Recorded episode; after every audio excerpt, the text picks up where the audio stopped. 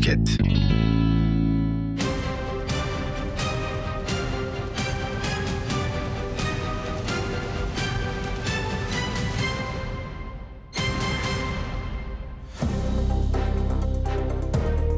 Bu hafta Türkiye ve dünya gündeminde neler yaşandı, en çok neler konuşuldu? Merhaba sevgili dinleyenlerimiz. Türkiye'nin en kaliteli podcast kanalı Podcast'te Haberin T sesinde sizlerleyiz. Ben sunucunuz Tuğçe Nurbatan. İlk haberimize başlayacak olursak YSK 14 Mayıs'ta oy kullanacak seçmen sayısını açıkladı. Edinilen bilgilere göre 64 milyon 191 bin 285 seçmen oy kullanacak. Bu seçmenlerin 3 milyon 286 bin 258'i ise yurt dışında yaşıyor. Bir diğer haberimizde ise Milli Savunma Bakanı Hulusi Akar'dan ABD'li mevkidaşına F-16 mesajı. ABD Savunma Bakanı Lloyd James ile telefon görüşmesi gerçekleştiren Milli Savunma Bakanı Hulusi Akar, Türkiye'nin F-16 tedarik ve modernizasyon projesinin hızlı ve olumlu sonuçlanmasının önemini iletti. Millet İttifakı liderleri ortak liste için bir araya geliyor. Millet İttifakı'nı oluşturan Deva Partisi, Gelecek Partisi, Demokrat Parti, Saadet Partisi, CHP ve İyi Parti'nin liderleri hafta sonu ortak listelere son şeklini verecek. Çalışmalar sürerken Kandil'den muhalefete ortak listeyle seçime girin çağrısı gelmişti.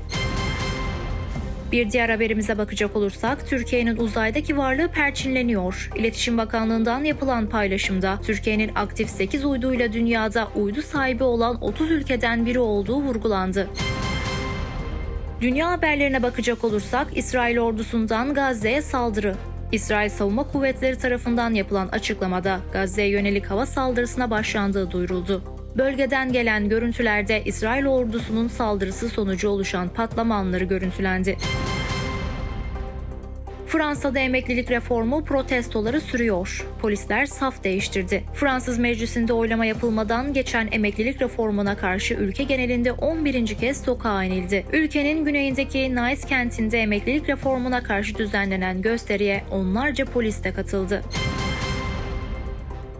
Putin ve Lukashenko Moskova'da bir araya geldi. Rusya Devlet Başkanı Vladimir Putin ve Belarus Devlet Başkanı Alexander Lukashenko, Rusya-Belarus Birlik Devleti Yüksek Konseyi toplantısı için Moskova'da bir araya geldi. Magazin dünyasında sular durulmuyor. Ünlü sunucu Zahide Yetiş 9 yıllık evliliğini sonlandırdı. Gündüz Kuşağı programlarının sevilen ismi Zahide Yetiş, 2014 yılında evlendiği Cem Arısoy'la sessiz sedasız boşandığını açıkladı. Bir diğer magazin haberimizde ise ünlü klarnetçi Hüsnü Şenlendirici bağırsak kanserine yakalandı. Son zamanlarda ekranlarda boy göstererek izleyicilerinin kulaklarının pasını silen müzisyen Hüsnü Şenlendirici'nin bağırsak kanserine yakalanmasıyla ameliyat olduğu ve bağırsağından 11 santim alındığı öğrenildi. Podcast'in Haberin T Sesi programında ben sunucunuz Tuğçe Batan'la birlikteydiniz. Bir sonraki bölümde görüşmek dileğiyle. Hoşçakalın.